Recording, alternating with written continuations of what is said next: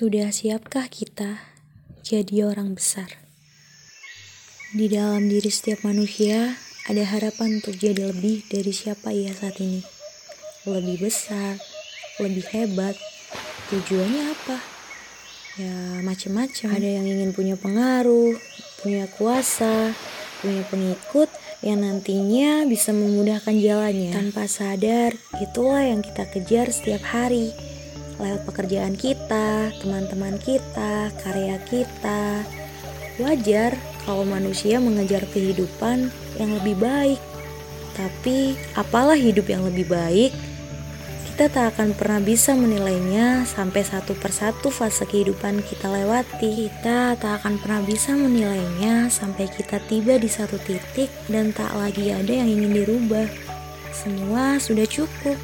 Tapi namanya juga manusia, usia muda itu jadi semacam tolak ukur. Melihat orang-orang hebat di luar sana, apalagi yang seumuran, rasanya malu kalau baru kerja sebentar sudah merasa capek dan butuh jeda.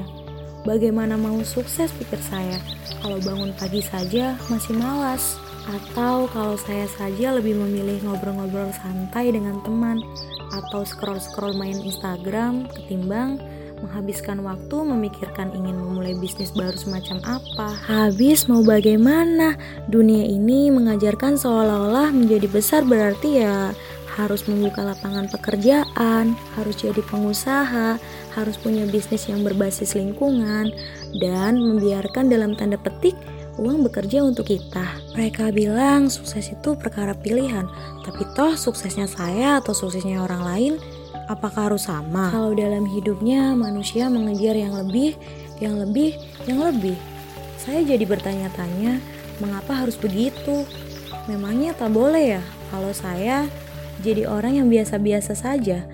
Jadi orang yang suksesnya mungkin bertahan satu hari lagi. Capek juga ya kalau dunia ini terlalu mengaitkan kesuksesan bahkan kebahagiaan seseorang dengan seberapa banyak harta yang ia punya. Seolah dunia ini yang penting cuma itu saja.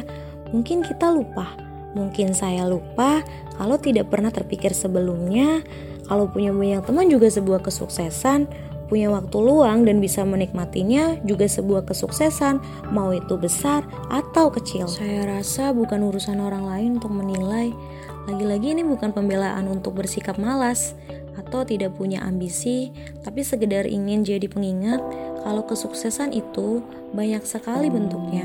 Dan agar kita, khususnya saya, bisa memilih cara berjuang yang lain dari cara orang lain. Tapi, tapi, tapi, pernyataan saya mengenai kesuksesan terhenti. Dikala saya mulai mengenal mentor atau guru saya, Mas Aji dan Bainun. Dari mereka, pelan-pelan saya belajar bahwa membeli impian itu tidak murah, selalu berpacu dengan waktu, berkaitan dengan balas jasa dan budi ke orang tua, pun tanggung jawab masa depan untuk diri sendiri. Yang lebih kerennya lagi, mentor atau guru saya mengajarkan bahwa sebaik-baiknya manusia adalah dia yang bermanfaat untuk orang lain. Sesuai ternyata ya dengan keinginan saya, kalau saya ingin hidup saya tidak hanya berguna, tapi berdampak untuk hidup atau pencapaian orang lain, tidak melihat latar belakang mana pun. Sebab saya punya kesimpulan bahwa orang baik punya masa lalu, orang jahat punya masa depan. Seperti yang mentor saya ajarkan, bantulah orang yang mau dibantu. Wah, pernyataan ini indah sekali sebagaimana pendidikan nonformal yang tidak pernah saya dapatkan di kampus, saya dapatkan lewat mentor saya, Mas Aji dan Bainun. Sepasang suami istri yang sudah banyak membantu orang lain menggapai impian mereka. Rasa syukurku bertambah karena Allah menggiring saya ke circle atau komunitas yang membuat saya bertumbuh. Senang sekali rasanya menyampaikan informasi yang dapat membantu orang lain bertumbuh dan sembuh lewat bisnis dengan produk yang dapat mengubah hidup orang lain jauh lebih baik. Dari yang bukan siapa-siapa menjadi siapa dan punya apa. Alias sehat sejahtera namanya.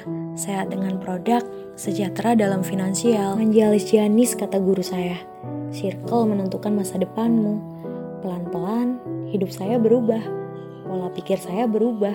Rekening saya jadi gendut, hati saya penuh syukur atas berita baik oleh teman saya yang sudah sakit lama kurang lebih satu tahun, kemudian sembuh karena produk yang dia konsumsi. Iya, propolis namanya. Penangkal virus, bakteri, dan jamur yang mendasari penyakit itu ada. Tulisan ini tidak lebih kupersembahkan untuk mentor saya, Mas Aji dan Mbak Ainun. Atas instruksi dan petunjuk akan kuduplikasi kalian Semoga suatu hari saya bisa seperti kalian, bisa memetik buah yang kalian tanam. Sesulit apa pun juga, guruku tak pernah menyerah. Sungguh, aku ingin seperti itu juga.